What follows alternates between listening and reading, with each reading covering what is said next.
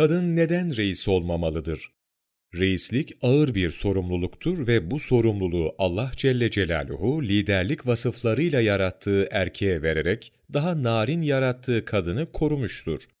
Kadın ailede reis olmaya heveslenirken aslında büyük bir sorumluluğun da altına girmektedir. Bu sorumluluk kadını ağırlaştırmakta, erkeksileştirmekte ve çok da yormaktadır. Reislik kadının yaratılışına uygun değildir. Kadınlar şefkat ve teslimiyet sahikiyle yaratılmıştır. İktidar otorite gerektirir. Otorite ise güç ve iradeye dayanır. İktidar isteyen kadınlar güç elde etmek için erkekleşirler ve fıtratları bozulur. Evde reis olan bir kadın, çocuklarına annelik değil, babalık yapmaya başlar ve gücü sarsılmasın diye çocuklarına yeterince sevgi gösteremez.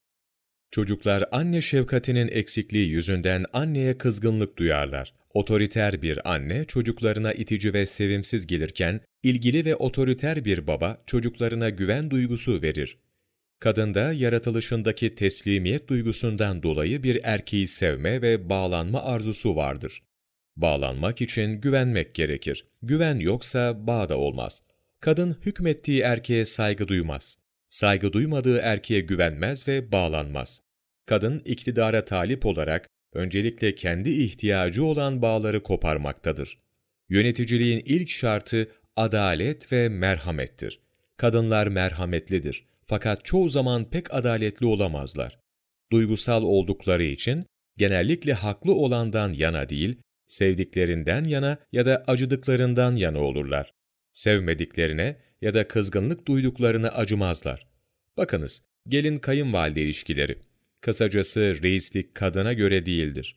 Kadın reis olunca evde bütün dengeler bozulur.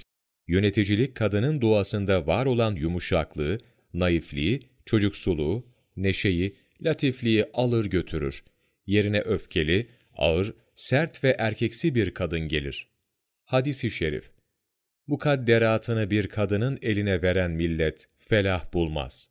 Sahih-i Buhari Sema Maraşlı Vahdet Gazetesi 19 Ocak 2015 16 Aralık Mevlana Takvimi